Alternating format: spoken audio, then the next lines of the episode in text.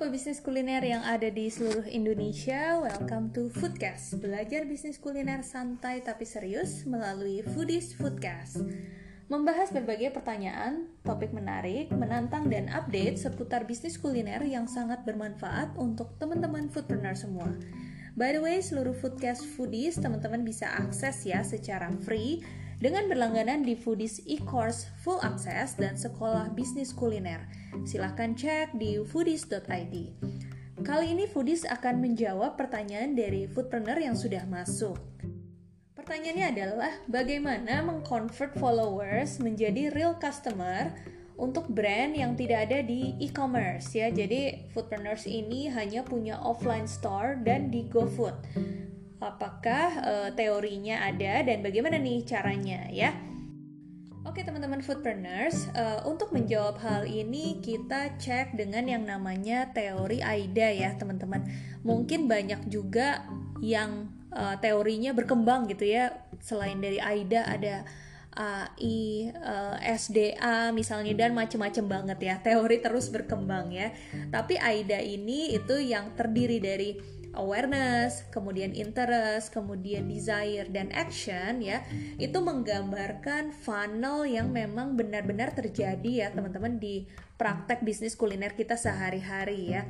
Misalnya nih awareness ya, awareness misalnya ada seribu orang yang tahu, kemudian masuk ke interest dari seribu orang yang tahu hanya 800 nih yang tertarik gitu ya. Kemudian desire ya dari yang tertarik itu yang benar-benar memiliki uh, uh, keinginan atau dorongan yang lebih banyak lagi ya itu ternyata tersaring lagi menjadi 300 ya. Kemudian dari desire menjadi action ya dari 300 orang yang desire yang benar-benar pada akhirnya action itu misalnya adalah 30 orang ya action ini macam-macam teman-teman. Tergantung dari uh, aktivitas dan komunikasi yang kita lakukan itu apa. Ada juga action yang kita dorong misalnya minimal mereka follow dulu nih akun Instagramnya kita gitu ya. Ada juga aktivitas-aktivitas yang kita lakukan. Actionnya adalah minimal mereka misalnya nonton video TikTok kita ya. Itu juga action. Atau uh, action lagi yang kita uh, lakukan. Misalnya kita dorong mereka bener-bener membeli produk kita untuk pertama kali ya. Itu action juga. Atau aktivitas yang kita lakukan untuk membuat mereka melakukan action merekanya ini adalah customer yang sudah pernah membeli tapi kita pengen mereka action untuk membeli lagi atau merekomendasikan menceritakan ke teman-temannya yang lain misalnya ya. Jadi di sini kelihatan teman-teman ya customer ini akan actionnya itu seperti apa itu tergantung dari komunikasi yang kita lakukan gitu ya. Kalau misalnya kita uh, jarang bikin yang namanya sales promo nih contohnya. Nah, uh, customer itu uh, tahu brand kita, kemudian dia juga suka mungkin ya dengan image-nya brand kita mungkin karena kita pakai influencer yang juga adalah idola dia gitu ya tapi nggak juga dia beli-beli gitu ya produk kita nggak beli-beli juga nih orangnya walaupun udah jadi followers ya Mungkin karena kita memang jarang melakukan aktivitas atau komunikasi yang membuat customer itu terdorong, benar-benar terdorong untuk belinya sekarang. Jangan minggu depan, jangan bulan depan, jangan tahun depan ya, tapi belinya itu sekarang ya. Nah, ini adalah uh, catatan pertama ya, teman-teman dari jawaban saya, yaitu pertama itu kita harus memiliki yang namanya sales promo rutin ya. Jadi sales promo ini adalah uh, aktivitas atau program di mana kita itu mendorong customer itu untuk belinya sekarang ya. Misalnya kita bikin promo beli 5 gratis satu gitu ya. Misalnya kita jual uh, donat gitu ya beli 5 gratis satu. Karena lagi ada alasan promo ini mungkin customer itu jadi terdorong gitu ya. Tapi kalau misalnya kita cuma kasih tahu eh kita punya uh, strawberry mint loh enak nih uh, donat strawberry mint. Terus kita punya donat matcha uh, Nutella loh gitu ya. Tapi nggak ada promonya gitu ya.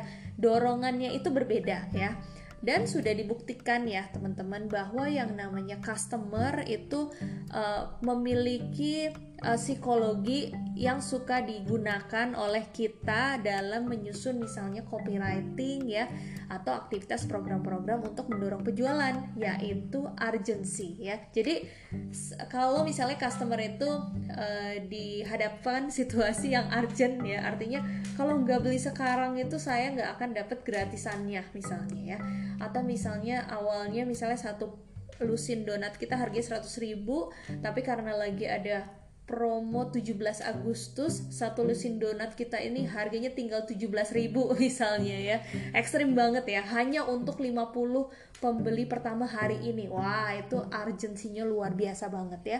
Jadi aktivitas yang berhubungan seperti sales promo inilah yang pada akhirnya akan mendorong action tadi, yang pada akhirnya akan merubah, mengkonversi ya, yang awalnya dia cuma jadi followers, yang awalnya dia cuma jadi fans kita, yang awalnya dia cuma suka-suka lihat postingan kita, tapi pada akhirnya membeli ya.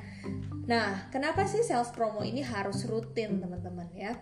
Satu, karena tidak semua customer atau followers itu langsung terkonversi di saat itu ya. Jadi mungkin kalau kita melakukan empat kali sales promo ya empat periode sales promo di satu bulan yang sama.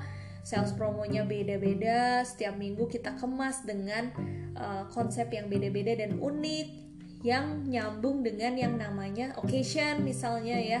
Jadi ada satu-satu ya satu Januari dua dua dua Februari tiga tiga ya. Saya tiga Maret ya. Nah itu setiap bulan tuh kita punya alasan ya untuk melakukan sales promo. Atau misalnya occasion yang berhubungan dengan hari-hari besar. Nah, itu nggak boleh ke skip tuh ya, teman-teman. Kita harus bikin sesuatu yang menarik ya, men mengundang perhatian ya. Kemudian mereka juga akhirnya jadi spend uh, isi dompet mereka nggak ke kompetitor, tapi ke kita karena kita selalu mendorong mereka dengan berbagai macam sales promo yang menarik misalnya Harbolnas ya yang hal-hal seperti itu jangan lupa untuk selalu dimasukin ke agenda sales promo kita. Makanya teman-teman nanti kalau misalnya lihat lagi di YouTube Foodies ya atau di lessons lessons Foodies ada pembelajaran tentang yang namanya marketing kalender ya. Teman-teman bisa lihat di situ adalah detail bagaimana caranya kita terus menerus secara konsisten rutin ya. Itu kita memiliki program-program aktivitas promosi dan sales supaya yang namanya uh, calon customer kita ini yang mungkin exposure-nya banyak, orang yang tahu banyak ya, tapi semakin banyak lagi orang yang pada akhirnya benar-benar membeli ataupun dia sudah pernah membeli sehingga dia punya alasan untuk membeli lagi ya, teman-teman. Nah, itu adalah catatan pertama ya berhubungan dengan kita harus memiliki yang namanya sales promo rutin ya.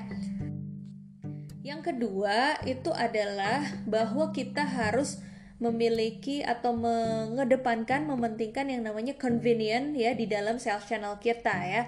Convenient tuh artinya apa sih? Itu artinya adalah kenyamanan ya. Jadi kita nggak bisa memaksakan uh, sesuatu dari sisi kita sebagai pebisnis, tapi kita harus ngeliat dari sudut pandang customer kita. Customer kita ini nyamannya ya, mudahnya ya, cepatnya itu beli lewat mana sih? Kemudian bayar pakai apa sih gitu ya? Bayar lewat mana? Ngelihat produk kita seperti apa? Uh, membeli dan bertransaksi dengan cara apa? Nah sudut pandang kita harus selalu di uh, arahnya customer bukan di arahnya kita. Ah repot nih kalau misalnya kita harus punya WhatsApp gitu ya karena akhirnya customer kita jadi uh, admin kita atau kasir kita harus jadi punya handphone tambahan satu lagi gitu ya. Nah itu dari sisi kita. Tapi kalau misalnya dari sisi customer wah ternyata karena kita bisa dipesan dibayar lewat WhatsApp ternyata tadinya mereka males harus buka GoFood gitu ya harus nge-search harus uh, mesen sendiri harus milih sendiri ya. Uh, mereka jadi uh, menunda-nunda aktivitas pembelian. Tapi karena kita punya channel di WA misalnya ya dan ada admin yang bantuin uh, bertransaksi, membeli, memilih produk. Wah, ya, ternyata dari 10 customer yang lihat-lihat aja 8 jadi beli gitu ya. Gara-gara kita punya layanan di WhatsApp. Nah, itu yang disebut dengan convenient ya, teman-teman, bahwa sales channel yang kita punya ini harus sesuai dengan kenyamanannya mereka ya. Misalnya tadi pertanyaannya foodpreneurs itu teman-teman punya uh, offline store misalnya ya. Mungkin di era pandemik seperti sekarang itu banyak yang tidak nyaman untuk datang ke satu offline store tertentu dan membeli ya. Jadi ini banyak banget bisa disolusikan. Salah satunya sudah dilakukan ya dengan memiliki GoFood ya. Tapi melalui channel mana lagi nih uh, customer kita ini sebenarnya membeli ya atau uh, pada akhirnya mereka bisa memiliki channel yang nyaman untuk memesan dan akhirnya bertransaksi ya.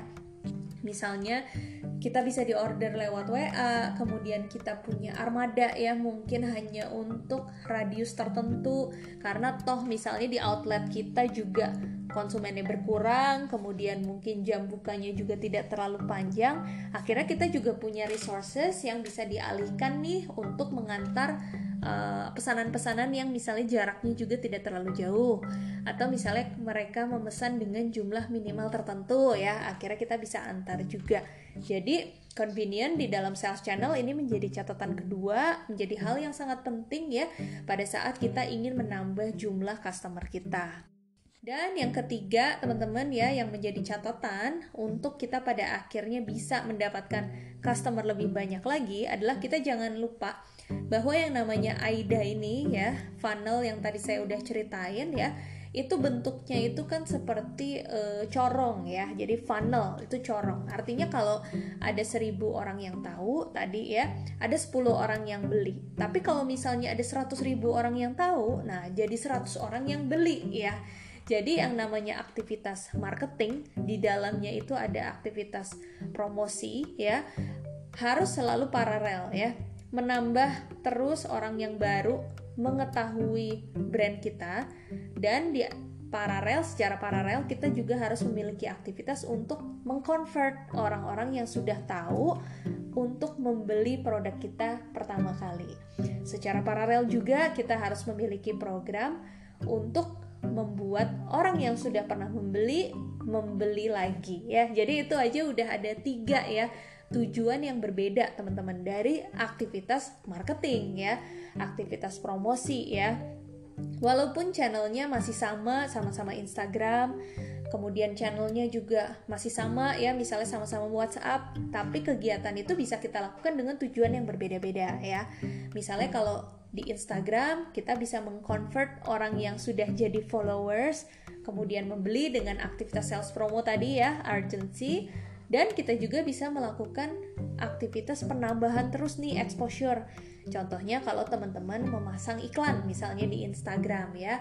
Kalau misalnya pasang iklan di Instagram bisa menembak ke mereka yang radiusnya misalnya 3 km nih dari outletnya teman-teman.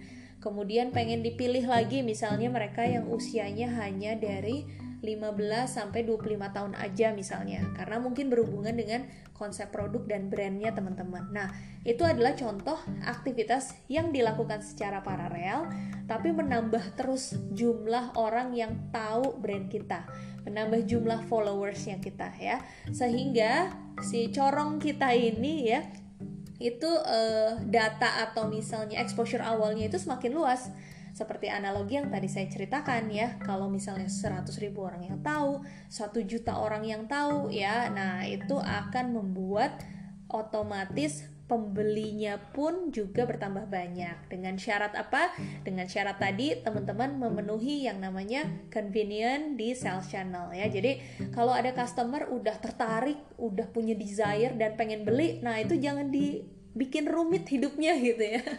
Jadi harus dipermudah, harus dipercepat, harus difasilitasi sebanyak-banyaknya supaya mereka bisa dengan mudah membeli produk kita dan membayar ya. Jadi banyak macam eh, hal-hal uh, dan cara-cara yang bisa dilakukan. Teman-teman bisa lihat lagi uh, lessons-lessons dan pembelajaran di Foodies ya berhubungan dengan marketing, dengan sales channel dan lain-lain.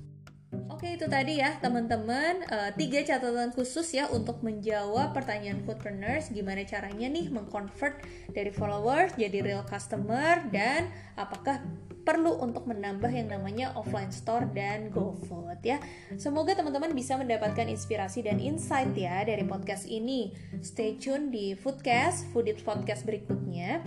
Jangan lupa untuk selalu akses ilmu-ilmu lainnya di Foodies ya, seperti di YouTube, di Telegram, kemudian di artikel-artikelnya Foodies ya di foodies.id untuk bisa lebih mendapatkan banyak ilmu kuliner lainnya. Salam bisnis kuliner Indonesia.